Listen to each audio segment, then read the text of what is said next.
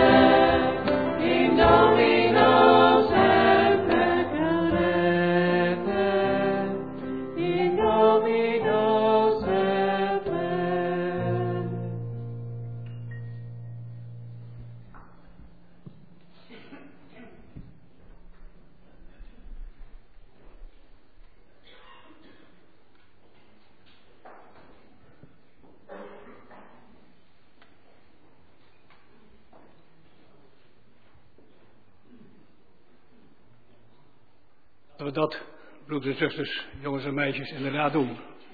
Blij zijn dat we bij God mogen horen en met Hem mogen meegaan. Welkom allemaal hier in de kerk, in de Schuilhof en iedereen die met ons meekijkt en meeluistert, nu of straks via internet. Ook welkom. Vandaag is het de tweede zondag van Advent.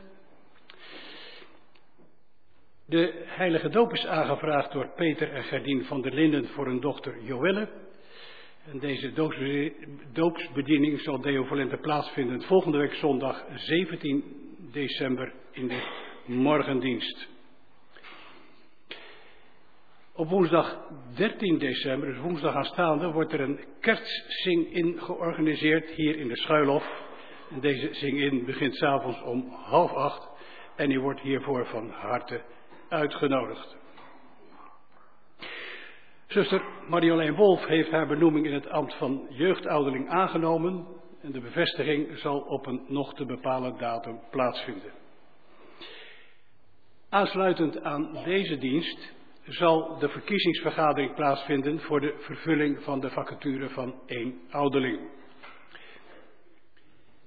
Na deze dienst is er gelegenheid om koffie te drinken en als u zich gast weet, van harte welkom om mee te drinken. In deze dienst gaat voor dominee Klaas van den Geest uit Deventer zegen.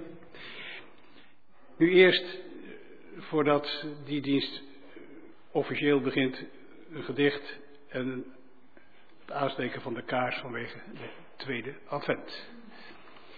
Nou.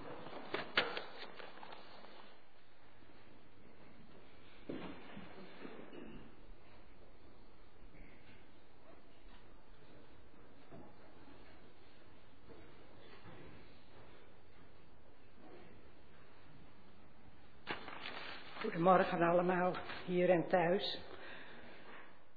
We houden dezelfde volgorde aan als vorige week. Ik vertel eerst iets over het bloemstuk, dan leest Laurens de tekst en Dennis steekt daarna de kaars aan als teken van licht en hoop in deze donkere wereld.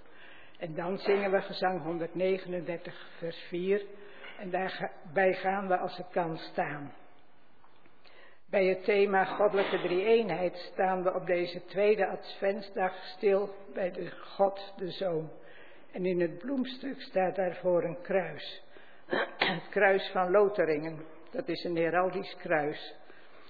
Op een icoon. Ja. Op een icoon wordt Christus, de witte figuur in het midden, afgebeeld met dat kruis. Eronder staat Pantocrator, wat betekent Christus albeheerser. Bij zijn hemelvaart zei hij, mij is gegeven alle macht in de hemel en op de aarde. Het kind waarvan wij met kerst de komst verwachten, is ook onze koning. Dan mogen we misschien dit kruis wel zien als zijn heerserstaf.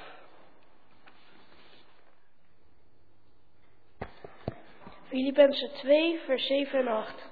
Jezus, hij gaf zijn hemel, hemelse positie op. Hij maakte zichzelf zo onbelangrijk als een slaaf. Hij kwam als mens op aarde en toen leefde hij als mens en dacht, nooit, dacht hij nooit aan zichzelf. Hij was altijd gehoorzaam aan God, zelfs toen hij aan het kruis moest sterven.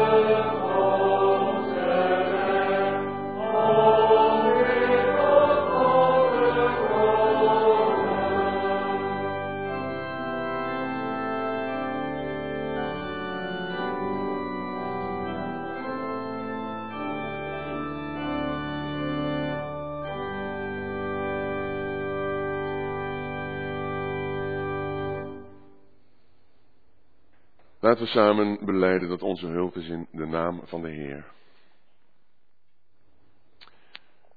Onze hulp is in de naam van de Heer die hemel en aarde heeft gemaakt. In zijn naam mag ik u en jou begroeten, genade voor u en vrede van hem die is, die was en die komt. En van de zeven geesten die voor zijn troon zijn. En van Jezus Christus. Hij is de betrouwbare getuige. De eerstgeborene uit de doden. Hij heeft alle macht over alle koningen en machthebbers van deze aarde. Amen. We gaan zingen, wijs mij de weg naar Bethlehem.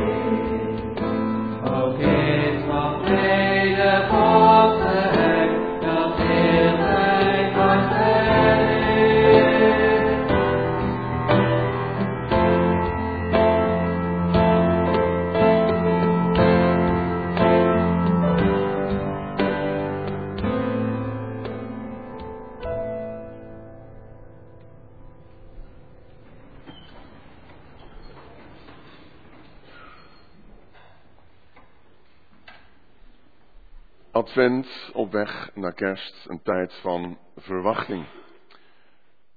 Verwachting en hoop in een wereld die soms verwarrend en donker en duister is. Maar we weten, God heeft beloofd, Hij komt. Hij is gekomen, Hij zal komen. Die waarheid staat vast. Jezus heeft zijn werk volbracht. Jezus keert weer. En in die spanningsboog van verwachting mogen wij vandaag leven. Zo willen wij ook voor God verschijnen. In het besef dat wij van Hem afhankelijk zijn, zijn vergeving en genade. En laten we dat nu ook in stilte uitspreken in ons hart tegenover onze God.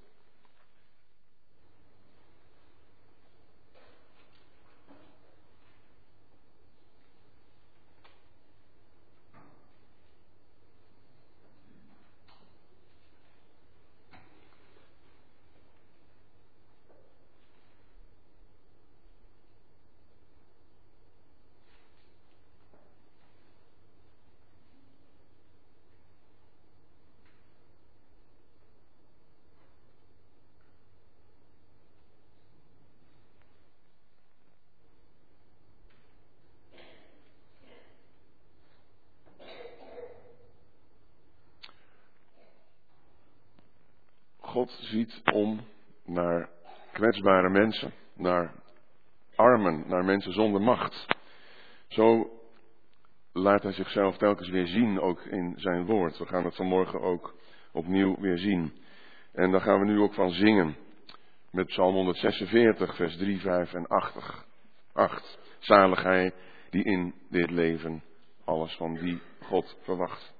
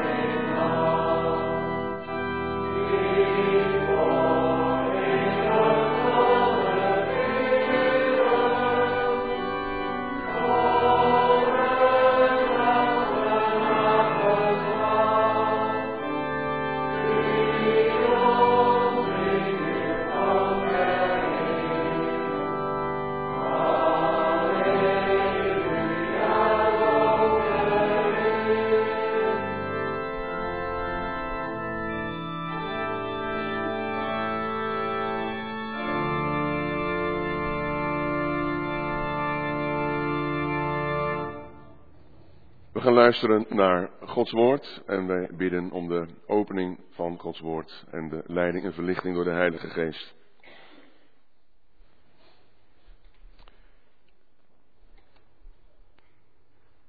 God, kom tot ons de wereld wacht. Kom als de schepper naar een aarde die zucht in nood. Kom als redder naar een wereld vol geweld en angst. Kom en spreek in wat u doet, in wat u zegt, in uw woord en door uw geest. En in Jezus het mens geworden woord. Kom, wij verwachten u op weg naar uw grote dag. Amen. We openen Gods woord en we lezen over waar kwam Jezus vandaan. Hij kwam uit de hemel als Gods zoon. Dat bleek wel toen hij geboren werd. De engelen gaven er getuigenis van. Hij kwam ook als een zoon van mensen. En van wie stamde hij af? Van roemrijke voorouders? Of van mensen die er anders voor stonden in de maatschappij?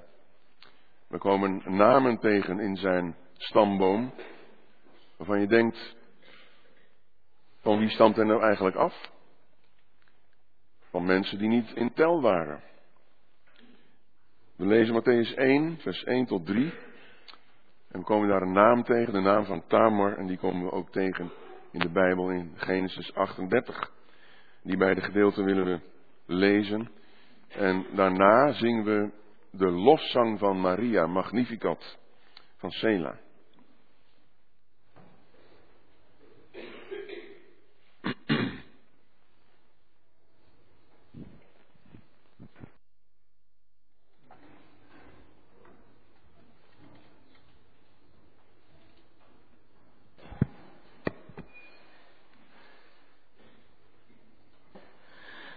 Matthäus 1 vanaf vers 1.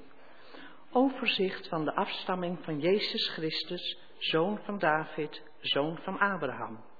Abraham verwekte Isaac, Isaac verwekte Jacob, Jacob verwekte Juda en zijn broers. Juda verwekte Peres en Serach bij Tamar.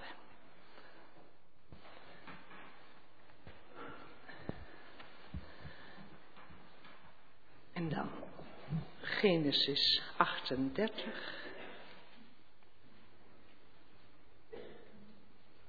In diezelfde tijd verliet Juda zijn broers en sloot zich aan bij een zekere Shira, een man die in Adullam woonde. Daar viel zijn oog op de dochters van de Canaaniet Shua. Hij trouwde haar en sliep met haar. Ze werd zwanger en bracht een zoon ter wereld, die Er werd genoemd. Daarna werd ze opnieuw zwanger en kreeg weer een zoon, aan wie ze de naam Onan gaf. Ze werd voor de derde keer zwanger en bracht een zoon ter wereld, die ze Sela noemde. Toen Sela geboren werd, bevond Juda zich in Kesib. Voor Er, zijn eerstgeborene, koos Juda een vrouw die Tamar heette. Er was slecht in de ogen van de Heer en daarom liet de Heer hem sterven. Toen zei Juda tegen Onan, vervul je zwagerplicht, slaap met de vrouw van je broer en verwek voor je broer nakomelingen bij haar. Maar omdat Onan wist dat zo'n kind niet zijn nageslacht zou gelden, liet hij telkens als hij met de vrouw van zijn broer gemeenschap had, zijn zaad op de grond terechtkomen, zodat hij geen nakomelingen voor zijn broer zou verwekken. Wat hij deed was slecht in de ogen van de Heer en daarom liet de Heer ook hem sterven. Toen zei Juda tegen zijn schoondochter Tamar, je moet als weduwe weer bij je vader gaan wonen, totdat mijn zoon Sela volwassen is. Hij dacht namelijk, ik moet voorkomen dat hij ook sterft, net als zijn broers. En Tamar ging weer bij haar vader wonen. Geruime tijd later stierf Judas vrouw, de dochter van Sua. Toen Juda troost gevonden had voor zijn verdriet, begaf hij zich naar Timna, samen met zijn vriend Shira uit Adullam, om bij de schaapscheerders te gaan kijken. Zodra Tamar hoorde dat haar schoonvader op weg was naar Timna om zijn schapen te scheren, legde ze haar weduwedracht af, vermomde zich door, een sluier, door zich met een sluier te bedekken en ging langs de weg naar Enaim zitten, een zijweg van de weg naar Timna. Want ze besefte dat ze nog steeds niet aan Sela tot vrouw was gegeven, hoewel die inmiddels volwassen was geworden. Toen Juda haar zag, hield hij haar voor een hoer, want haar gezicht was bedekt. Hij sloeg de zijweg in en ging naar haar toe. Ik wil van je diensten gebruik maken, zei hij. niet wetend dat, dat het zijn schoondochter was. Wat staat daar van, jou, van uw kant tegenover? vroeg ze. Ik zal je een geitenbokje uit mijn kudde laten brengen, antwoordde hij. Goed, zei ze, maar geeft u mij dan zo lang iets als onderpand. En op zijn vraag wat ze als onderpand van hem wilde, antwoordde ze, het snoer met uw zegel en de staf die u in de hand hebt. Hij gaf het haar en had gemeenschap met haar en zij werd zwanger van hem. Daarna ging ze terug naar huis, deed haar sluier af en nam haar weduwedracht weer aan. Juda vroeg zijn vriend uit Adullam een geitenbokje naar de vrouw te brengen om het onderpand weer op te halen, maar hij kon haar niet vinden. Hij informeerde bij de mensen daar in de buurt. Ik ben op zoek naar de vrouw die onlangs bij de weg naar Enaim haar diensten aanbood. Zo'n vrouw is hier niet geweest, antwoordden ze. En dus ging hij naar Juda terug. Ik heb haar niet kunnen vinden, zei hij. Sterker nog, de mensen daar beweren dat er nooit zo'n vrouw is geweest. Toen zei Juda, laat haar alles maar houden, anders maken we onszelf nog belachelijk. Ik heb het beloofde bokje gestuurd, maar je hebt haar nu eenmaal niet kunnen vinden. Ongeveer drie maanden later kwam men Juda vertellen dat Tamar, zijn schoondochter, zich als een hoer had gedragen en daardoor zwanger was. Breng haar de stad uit, zei Juda, ze moet verbrand worden. Maar terwijl ze de stad uit werd gebracht, liet ze haar schoonvader deze boodschap brengen. Ik ben zwanger van de eigenaar van deze voorwerpen. Kijkt u eens goed van wie dit zegel, dit snoer en deze staf zijn. Juda herkende ze en zei, niet zij is schuldig, maar ik, want ik heb haar niet aan mijn zoon Sela tot vrouw gegeven. Hij had geen tweede keer gemeenschap met haar. Toen de tijd van de bevalling was gekomen, bracht ze een tweeling ter wereld. Tijdens de bevalling stak een van de twee zijn hand naar buiten. De vroedvrouw bond een rode draad om zijn hand, ten teken dat hij zich het eerst had laten zien. Maar hij trok zijn hand weer terug en daarna kwam zijn broer tevoorschijn. Wat een baanbreker ben jij, zei ze. Hij kreeg de naam Peres. Daarna kwam zijn broer met zijn hand, met om zijn hand de rode draad. Hij werd Serach genoemd.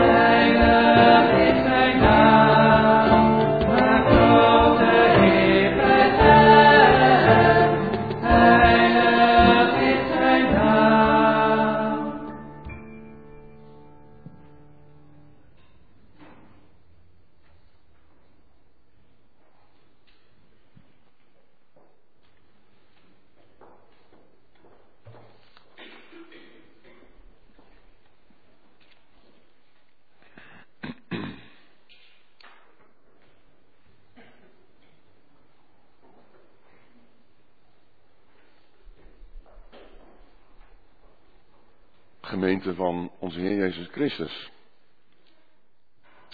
Veel mensen zijn op zoek naar hun roots.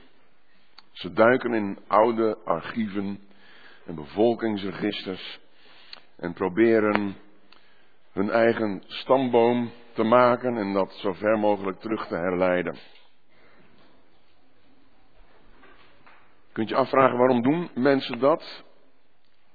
Misschien een beetje omdat je op zoek bent ook naar jezelf. Wie ben je? En wie je bent vandaag, dat heeft ook alles te maken met waar kom ik vandaan? Niet altijd kom je dan een voorgeschiedenis tegen waar je nou direct trots op mag zijn. Stel je voor dat je afstamt van een moordenaar of een ernstige crimineel. Dan ben je daar misschien niet zo blij mee. Het is in ieder geval wel apart of bijzonder om zoiets te ontdekken. Ja, de stamboom van Jezus is eigenlijk ook zo'n ontdekking. Hij blijkt af te stammen van mensen waarvoor velen zich misschien zouden schamen. De stamboom staat twee keer in de Bijbel.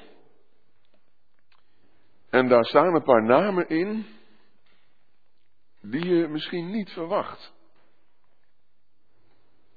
Tamar, bijvoorbeeld. Een vrouw die zich vermomt als hoer. Niet echt een moeder om trots op te zijn, zou je zeggen. Maar de Heer oordeelt anders. En juist zo mogen we iets ontdekken van wie en hoe God zelf is. Wat een verhaal, dat verhaal van Tamar, dat we zojuist hebben gehoord. Zo'n verhaal waar je misschien met rode oortjes naar luistert. Wat een apart verhaal. Een verhaal wat zover eigenlijk ook van onze beleving afstaat. Van onze manier van doen en denken vandaag. Het verhaal van Tamar staat midden in het verhaal over Jozef en zijn broers. En die broers, dat waren geen lievertjes, dat is duidelijk. En dit hoofdstuk gaat in het bijzonder eigenlijk over een van die broers, over Juda. Hij is de erfgenaam van vader Jacob. Hij krijgt bij Jacobs dood de grote zegen. Dat zou je niet verwachten, want er waren anderen voor hem, om zo te zeggen. Hij was niet de oudste. Hij was Jacobs vierde zoon. De oudste was Ruben. Maar die viel af als erfgenaam, omdat hij naar bed ging met een van de vrouwen van zijn vader. Na hem komen Simeon en Levi. En ook zij krijgen de grote zegen niet bij Jacobs dood. Want zij hadden de stad Sichem uitgemoord. Toen alle mannen ziek lagen. Dat lezen we in Genesis 34. En dat was ook toen al een oorlogsmisdaad. En ook Juda verdient de grote zegen niet als we dit hoofdstuk lezen, Genesis 38. En dat is niet het enige wat er over hem verteld wordt. Ook hij is nou niet bepaald een voorbeeld van een goed leven. Toch wordt hij de erfgenaam. En dat zegt ook iets over hoe God werkt. Uit Juda komt straks de koningsstam voort. Koningsstam waaruit uiteindelijk ook Jezus Christus voort zal komen. En ten diepste zien we hier dus iets van Gods keuzes, Gods bijzondere keuzes. Over hoe Hij zijn plannen uitvoert. En zo zie je ook hoe Gods volk, wat uit deze stammen groeit, het volk van Gods keuze is, maar niet omdat die mensen allemaal zo goed en voorbeeldig waren. Gods volk is niet zijn volk, niet een gemeenschap van mensen die het allemaal zo goed doen. Gods volk is dus ook niet Gods volk omdat ze het zo goed doen. We zijn Gods kerk en Gods volk alleen vanwege Gods keuze, vanwege Zijn liefde. En dat mogen we ook onszelf telkens weer met verwondering bedenken. En daarom is het ook goed om in de spiegel van deze aparte geschiedenis te kijken. Want het verhaal van Juda en Tamar is apart en lijkt voor ons eigenlijk in eerste instantie bij eerste lezing een wat onbegrijpelijke geschiedenis. De gewoonten van toen staan misschien wel erg ver van ons af. Het begint er al mee dat Juda bij zijn familie weggaat. Dat betekent in het geheel van de geschiedenis van de Bijbel dat hij een verkeerde keuze maakt, eigenlijk. Een keuze om te leven buiten de kring van de mensen die in Gods licht leven, die bij zijn verbond horen. Hij kiest een Canaanitische vrouw. En over de Canaanieten is de Bijbel vernietigend. Is het oordeel van God vernietigend. En hij wilde zelfs uiteindelijk ook dat het volk vernietigd werd. Zo lezen we in de verdere geschiedenis. Hoe dan ook, hoe God daar op dat moment over denkt, wordt niet met zoveel woorden gezegd. Maar het is wel duidelijk dat er op Juda's keuze geen zegen rust. Voor zijn oudste zoon Er zoekt hij een Canaanitische vrouw, Tamar. Maar Er sterft en Tamar blijft achter zonder kinderen. En dat is een belangrijk gegeven in deze geschiedenis. Het krijgen van nakomelingen was een erekwestie en was van levensbelang. In je kinderen leefde jouw naam voort en leefde je zo dus zelf voort, om zo te zeggen. Dus doet Juda wat hij als leider van de clan behoort te doen in die tijd. Hij geeft aan Tamar zijn tweede zoon Onan. Het is bijzonder om te merken dat al ver voor de wetgeving van Mozes bij de Sinaï, men dus kende het zogenaamde zwagerhuwelijk of het leviraat. Dat was dus een duidelijk Oosterse gewoonte, een Oosterse regel van leven. De broer van de overleden man moest dan voor nageslacht, voor kinderen zorgen. Maar Onan weigert deze heilige plicht. Hij zorgt dat zijn zaad niet bij Tamar binnenkomt. Even een uitstapje in het verleden, ook wel naar aanleiding van andere vertalingen, is dit vaak uitgelegd als zelfbevrediging. En dat werd dan ook onanie genoemd vanaf de 19e eeuw. Naar de naam Onan. Maar dat is een onjuiste uitleg gebleken. Wat Onan doet is geen masturbatie, maar wat men noemt met een officiële term coitus interruptus.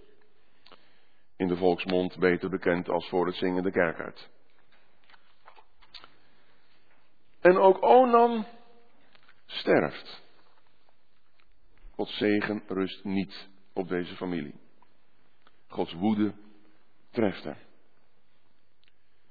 En zijn zonde is dus niet dat hij zijn zaad op de grond loost, maar dat hij Tamar niet geeft waar ze recht op heeft.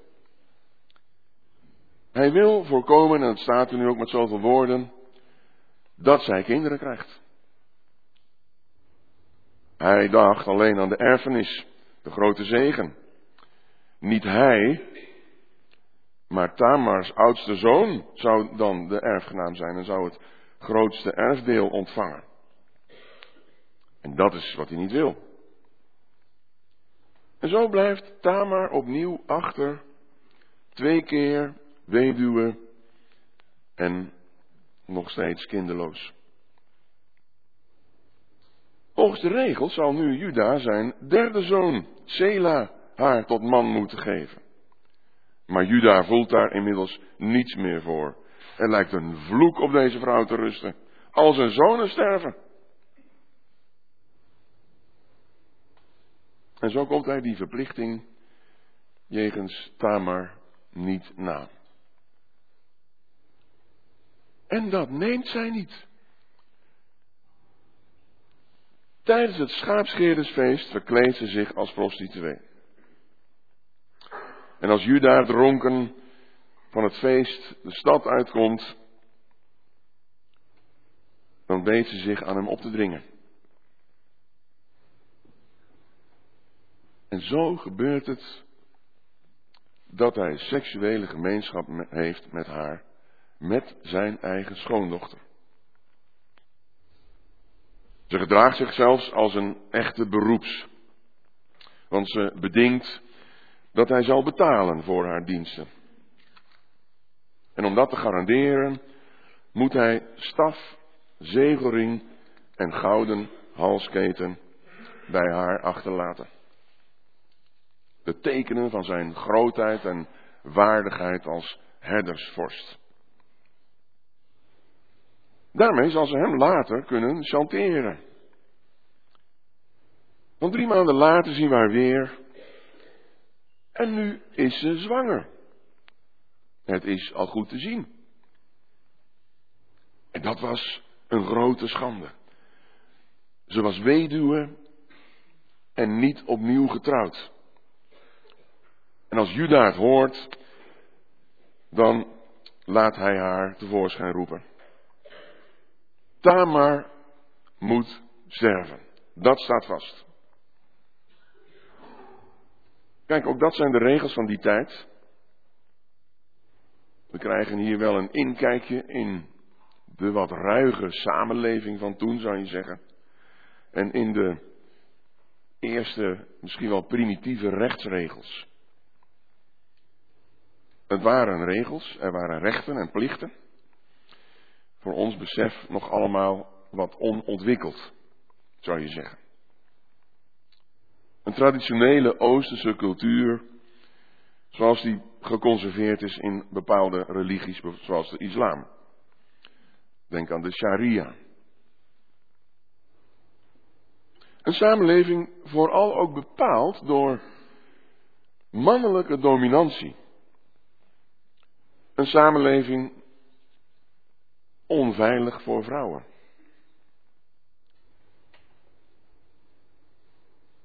Het doodvonnis voor Tamar staat vast. Niemand die dat in twijfel trekt. Maar dan komt het. Deze vrouw toont een ongekende moed. Er komt tevoorschijn met Juda's ring en halsnoeren. En in één klap doorziet Juda haar list. Hij is zelf in de val gelopen. Niet Tamar verdient de doodstraf. Zijn eigen goddeloze daden komen hier aan het licht. Misschien een goed moment om ook onszelf een spiegel voor te houden. Hoe kijken jij en ik naar vrouwen die hun lichaam verhuren voor seks? Noem je zo iemand een hoer? Een verachtelijk woord eigenlijk, waarin de verachting al voelbaar is. En hoe noem je dan een man die betaalde seks koopt? Of dat in het geniep kijkt thuis voor zijn beeldscherm? Dat een enkele politieke partij nog steeds blijft pleiten voor het strafbaar stellen daarvan, lijkt me een goed signaal voor de samenleving. Nog steeds komen mannen makkelijker weg met buitenechtelijke seks dan vrouwen. Zelfs als vrouwen verkracht zijn, moeten ze zich nog verantwoorden en verdedigen. En toch is dat niet echt het punt dat in deze geschiedenis aan de orde is. Het komt erbij, dat is zeker. En het is ook goed om er naar te verwijzen. Maar waar het hier om gaat, is dat Juda aan Tamar niet zijn derde zoon Sela geeft. Want wat drijft Tamar? Dat zich vermommen, Juda verleiden, hem chanteren. Kijk, je kunt ervan denken wat je wilt, maar zij handelt uit liefde. Uit liefde voor haar eerste overleden man, Er. Ze wil zorgen voor nageslacht voor hem. Zodat zijn naam zal voortleven.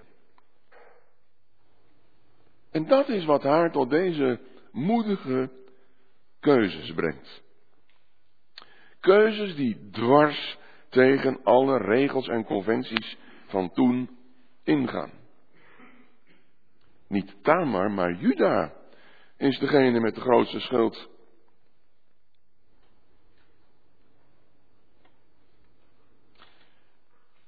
En op zoek naar het licht in dit verhaal, het licht van God zelf, het licht van het evangelie, zien we dan iets moois oplichten. Er gebeurt hier iets waar Gods licht begint te schijnen.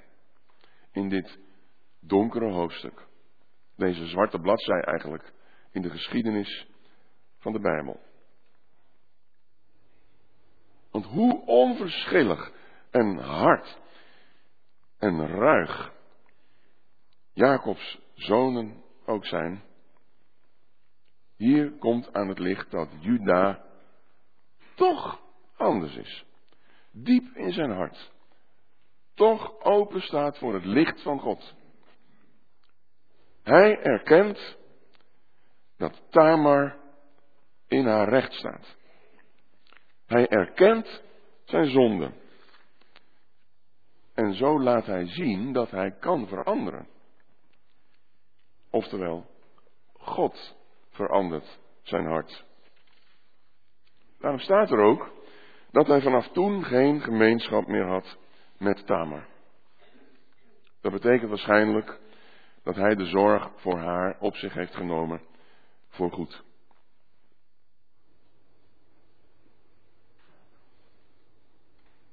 Hoe komt Tamar hier nu voor de dag? Als een vrouw met lef, zou ik zeggen.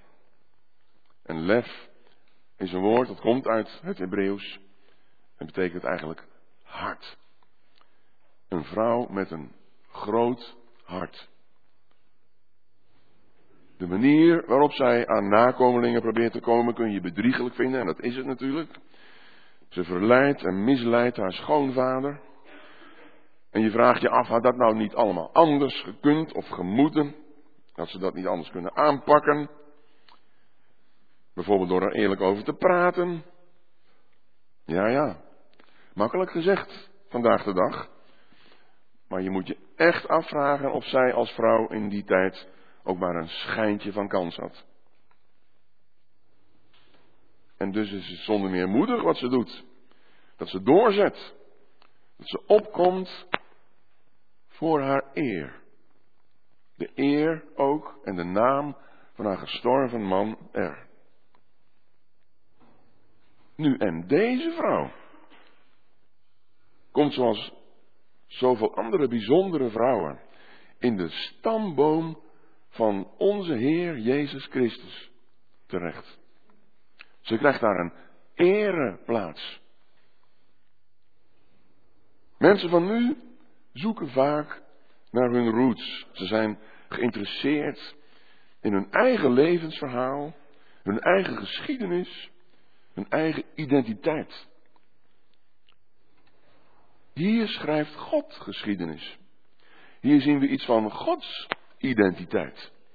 Zijn eeuwige zoon treedt de mensengeschiedenis binnen en dat gebeurt via gewone, ja, zondige en misschien wel slechte mensen. Deze geschiedenis laat zien, niet mensen bouwen zelf hun toekomst. Nee, God opent een toekomst voor mensen. En dat doet hij nog steeds. God opent toekomst. Hij is degene die van hoop en vrede doet spreken. Zo'n stamboom, als Matthäus 1, lijkt als vele andere stambomen in de Bijbel wat saai en eentonig. Maar telkens als je goed leest, ontdek je tussen de regels door de boodschap. Die wonderlijke geschiedenis die erachter zit. Het eentonige ritme van geboorten en namen wordt soms ineens onderbroken.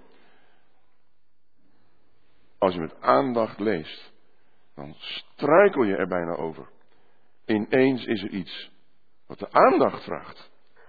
Wat meer betekent. Hier zien we een paar onregelmatigheden, om zo te zeggen, in deze keten van namen. In vers 2 zie je dat al, aan de naam Juda. Ik zei het al, niet de oudste, maar de vierde. Hij wordt de stamvader van de Messias. Een wonderlijke goddelijke verkiezing. En dan ook ineens deze vrouw die naar voren geschoven wordt. Tamar. In plaats van een stamvader, een stammoeder die een ereplek krijgt in deze galerij. Dat Judas naam hier mag staan, is aan haar feitelijk te danken. En zo aan God zelf. Hij kiest de zijnen. Hij roept hen allen.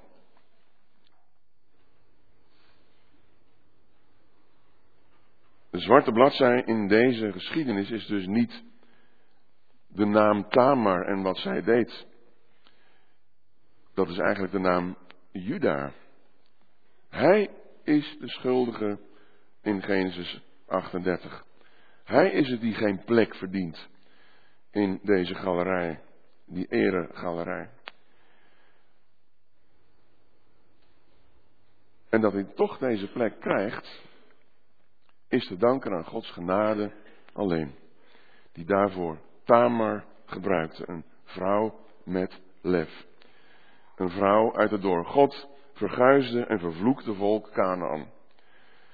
Door haar geloof mag zij een plek innemen en een moeder zijn van Christus.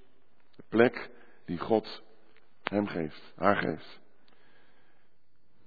En zo staat Juda hier niet als een man van eer, maar van schande. Die niet groot, maar klein wordt. En zo laat God zelf zien wat genade is. Mensen die klein worden voor Hem, die ontvangen Zijn liefde. Daar staat Juda. Een man in wie wij nu zien waarom Gods zoon naar de wereld moest komen. Want laten we eerlijk zijn. Denk je misschien dan toch stiekem dat jij en u en ik, goddank, toch niet zo slecht zijn als Juda? Zijn wij bij die kerel vergeleken geen nette, brave, gereformeerde burgers? En lopen we zo ook niet eigenlijk met een boogje om de tamars van deze wereld heen? De vrouwen achter de ramen en in de porno-industrie. En kijken we niet eigenlijk neer op samenlevingen waar vrouwen geen rechten hebben? Beschouwen we die als moderne mensen niet als achterlijk?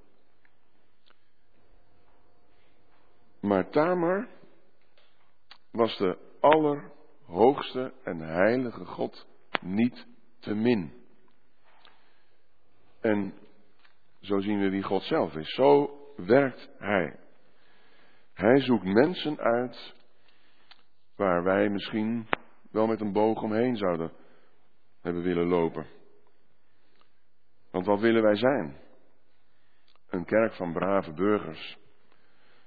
Of een kerk in actie voor de tamars van deze wereld.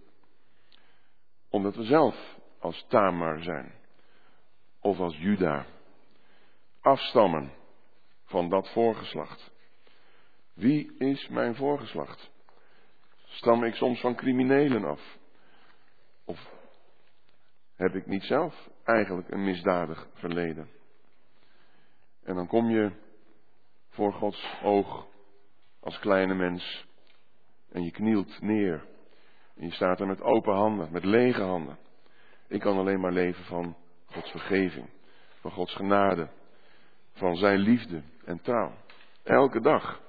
Wie ik ben, dat vind ik uiteindelijk niet terug in mijn menselijke roots, maar in Gods liefde alleen. En als je dat erkent, dan ben je ook zelf een mens met lef, met een groot hart. Amen.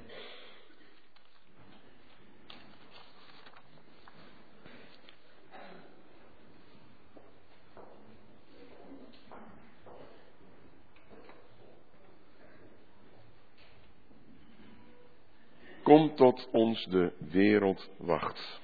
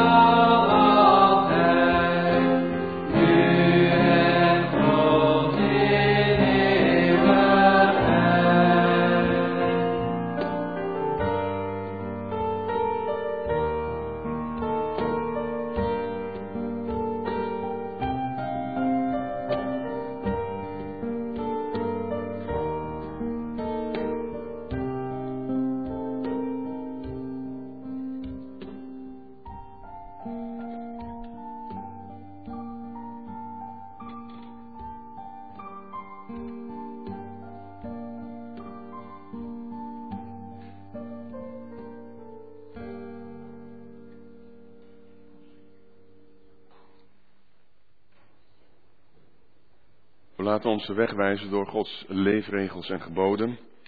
Zo mogen we leven in het licht van de komst van de Heer Jezus, in het licht van hoop en toekomst. Zo mogen we daarop gericht zijn in alles wat we doen, zeggen en denken. Ik lees enkele versen uit Romeinen 13. En daarna zingen we Was mij witter dan sneeuw. U kent de huidige tijd. Het moment is gekomen waarop u uit de slaap moet ontwaken.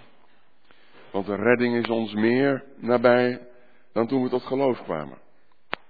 De nacht loopt ten einde, de dag nadert al. Laat ons daarom ontdoen van de praktijken van de duisternis en ons omgorden met de wapens van het licht. Dat we daarom zo eerzaam leven als past bij de dag en ons onthouden van bras- en slempartijen, ontucht en losbandigheid, tweespalt en jaloezie. Omkleed u met de Heer Jezus Christus en laat u niet meeslepen door uw aardse natuur met haar begeerten.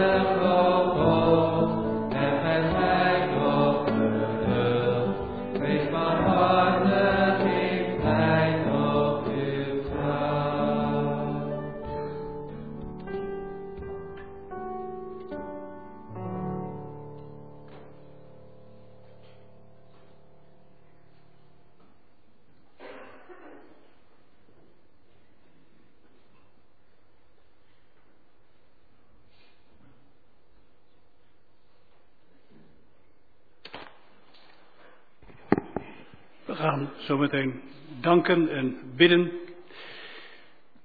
In dat gebed bidden wij om een zegen voor de verkiezing van een ouderling. We doen voorbeden voor Simone Post. Die wordt aanstaande dinsdag geopereerd aan haar knie. En we doen voorbeden voor de familie Kruiger, omdat een zus van broeder Cor Kruiger deze week op 76-jarige leeftijd plotseling is overleden.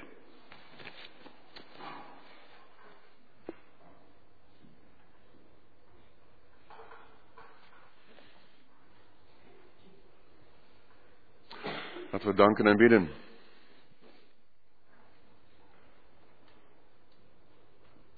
Kom tot ons, de wereld wacht. Heer, u bent gekomen. Toen Tamar de moed had om tegen alle conventies van die tijd in haar recht te eisen. U liet uzelf zien, telkens weer in de levens van mensen die geloofden en uitzagen naar betere tijden. Totdat u kwam in uw zoon, die zijn leven gaf als kwetsbare mens, als sterke God, de vredevorst. Heer, kom ook vandaag met uw vrede in de wereld. Wie over vrede spreekt, heeft moed, wordt gezegd. En het is waar, wie van vrede spreekt, gelooft. Dan zijn het niet de aardse machten en krachten waardoor we ons laten leiden. Dan zien we uit naar u, de God, die alleen vrede kan geven. In de harten van heersers en volken. Het dagelijkse nieuws brengt ons zo bij u en bij Jezus de vredevorst. God, doorbreek de keten van geweld in Israël en Gaza. Breng het wonder tot stand dat er een eind komt aan de slepende oorlog tussen Rusland en Oekraïne. Laat vrede winnen in zoveel, op zoveel andere plekken in de wereld. Sudan, Myanmar. In zoveel landen waar kwetsbare mensen, vrouwen en kinderen het eerst in de knel komen en op de vlucht slaan. Zo bidden we u ook, breng vrede in ons land, waar vluchtelingen en asielzoekers en immigranten in het algemeen steeds minder zicht hebben op een menswaardige behandeling en opvang. We bidden voor de gesprekken om te komen tot een nieuw kabinet, dat ook daarin uw vrede en recht mogen doorwerken. Wij bidden voor alle kwetsbare mensen, dat ze moed houden om hun recht te zoeken. Dwars tegen de verdrukking in. Dat ze de zorg krijgen die ze nodig hebben. We denken aan stille armoede. Aan een gezondheidszorg onder druk van economische waarden. Aan de zorg voor gehandicapten en ouderen. We bidden voor vrouwen en meisjes die gedwongen worden tot sekswerk. Dat er een einde komt aan misbruik van kinderen en uitbating van weerloze mensen in de duistere wereld van wat heet de porno-industrie. Wij bidden voor al die mensen, mannen vaak, die daarin hun gerief zoeken, zonder acht te geven aan de schade aan al die levens. Heer, u bent de God van het leven. Zo mogen we ook ons eigen leven aan u toevertrouwen. Geef dat we ons veilig weten bij u, ook in ziekte en zorgen over gezondheid. Zo bidden we voor Simone Post. Wilt u haar moed geven voor de operatie die ze ondergaat en geef goed herstel. Ook bidden we u voor broeder en zuster Cor en Anneke Kruiger, nu de zus van broeder Kruiger plotseling overleden is. Help hen samen om zo afscheid van haar te nemen, dat ze mogen geloven, in het hart mogen sluiten dat zij bij u, de God van het leven, geborgen is. Geef zo dat we allen met verdriet en pijn in ons leven kunnen leven. Omdat we leven in het licht van de opstanding van de Heer Jezus. In het licht van zijn komst naar deze wereld. Op een dag glorieus opnieuw. We dragen uw gemeente hier aan u op. Dat er goede leiding gegeven mag worden. Ook door de kerkraad, ook in een vakante periode. Geef uw zegen bij de verkiezing van een ouderling straks naar de dienst. Wil zo zorgen dat er altijd weer mensen zijn die in uw naam de gemeente willen voorgaan. Geef vrijmoedigheid en mogelijkheden om deze roeping te aanvaarden. Geef ons allen het geloof dat u zelf zo uw gemeente leidt en dat uw geest ons stuurt in onze keuze en in onze overwegingen. Heer, hoor zo ons danken en bidden. Wij prijzen uw grote naam. Hoor ons om Christus wil. Amen.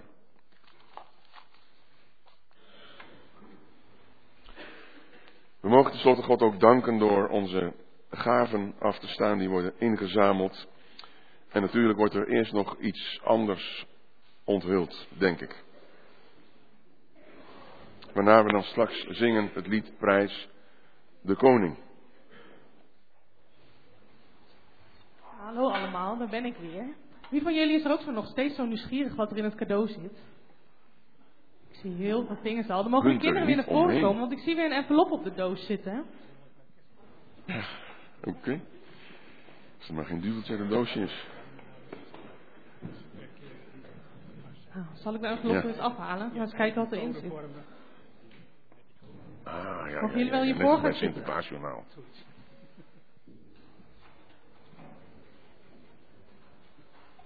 Ga ik hier even zitten. En voor degenen die er vorige keer niet bij waren, er was in één keer een groot cadeau in de kerk en er stond een opdracht op voor ons. En we krijgen elke week een opdracht. En als we die goed uitvoeren, krijgen we een letter. En als we aan het eind van met kerst alle letters hebben, krijgen we een code en dan kunnen we het cadeau openmaken. Ga eens even kijken wat er in de envelop zit.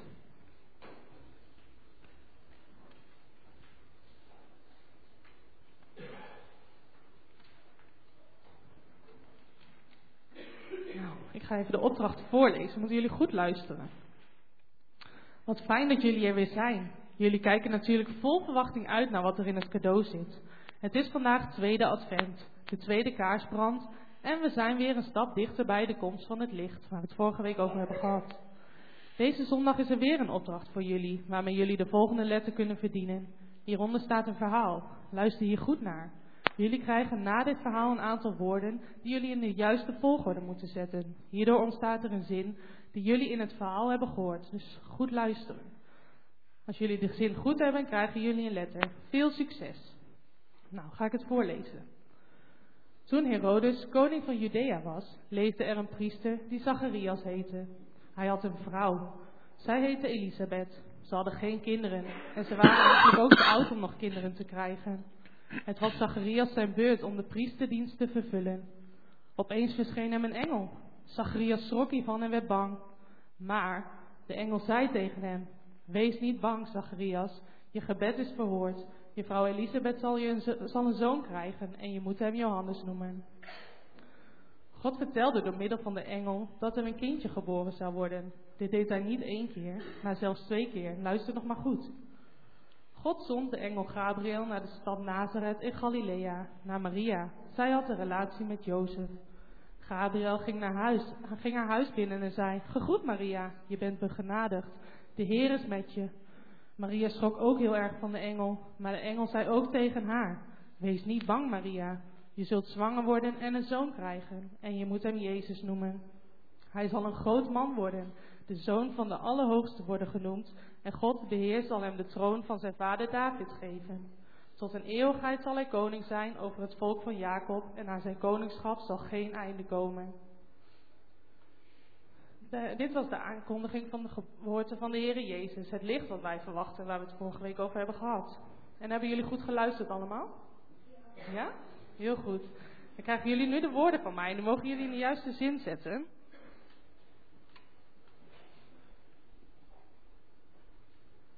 Hier even neer en dan kunnen jullie even puzzelen.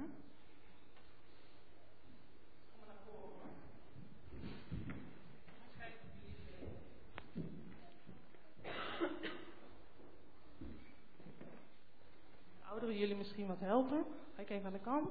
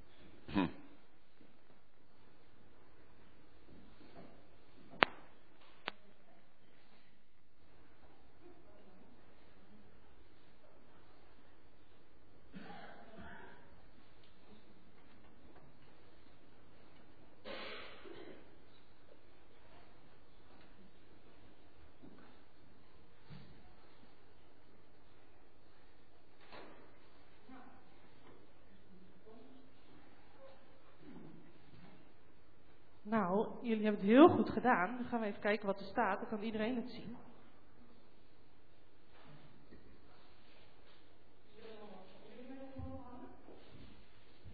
Kun jij vertellen wat er staat? Kun jij het lezen? Wees niet bang, zegt de engel. Ja, de engel zei twee keer in het verhaal: wees niet bang. En dat is ook een boodschap voor ons. Hè? Wij hoeven niet bang te zijn, want God is altijd bij ons. Jezus is geboren en hij zal bij ons zijn. Dan mogen jullie allemaal weer gaan zitten. Oh, jullie krijgen nog een letter, sorry. Vergeet ik bijna het spannend. Dat is belangrijk. Zo ingewikkeld allemaal. Wil jij hem op de doos plakken bij nummer 2?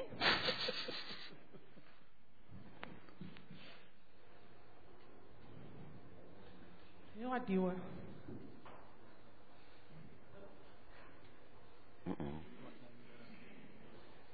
Nou, leggen we hem even ervoor, dan plakken we hem straks in.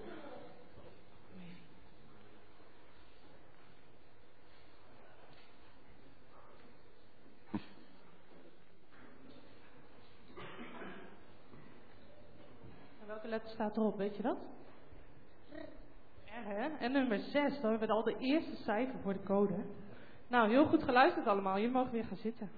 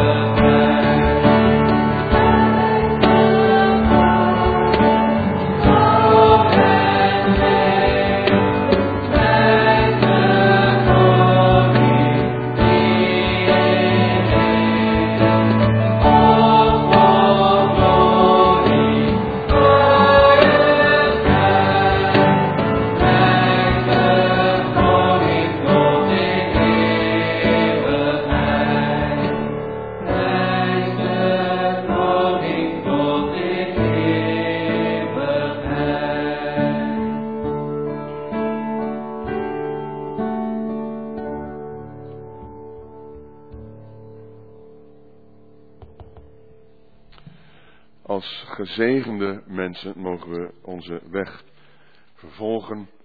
Neem Gods zegen aan in geloof. De genade van onze Heer, Jezus Christus. De eeuwige liefde van God onze Vader. En de eenheid die de Heilige Geest ons geeft. Dat die zij met u, met jou en met ons allen.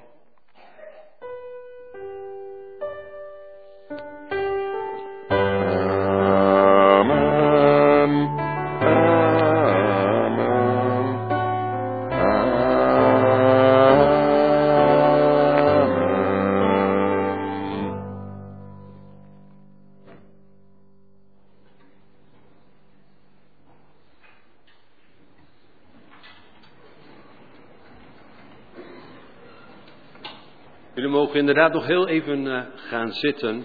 Eh, we hebben verkiezingsvergadering, is bij deze geopend. Ehm, hebben jullie allemaal een stembriefje in ontvangst genomen net? Als iemand is die geen stembriefje heeft, wel wil stemmen, die mag zich melden bij eh, Scriba Rolf van der Wetering. We gaan over tot de verkiezing van één ouderling. De zusters ehm, Tanja Langevoort en Marjoke van Velen die zijn gekandideerd. Jullie hebben een stembriefje ontvangen. Uh, het stembriefje kan straks ingevuld, ingeleverd worden achter in de kerk. Uh, de, de, stemcommissie uh, bestaat uit uh, broeder Gert Scheringa en Adriaan de Wolf namens de kerkraad. En zuster Evelien van der Stegen en zuster Henriette van Brede namens de gemeente. U heeft straks gelegenheid tot stemmen. de vergadering wordt even geschorst tot vanmiddag. Vanmiddag voor de dienst zullen we de uitslag bekendmaken. Uh, en dan is er nog even iets. Uh, net zijn hier al wat kinderen naar voren gekomen. Ik wil even weten wie van jullie tussen de 0 en de 16 is. Even de vingers omhoog. Even, Chris, even iets hoger, ik zie hem niet. Ja, heel goed. Jullie mogen allemaal even naar voren komen.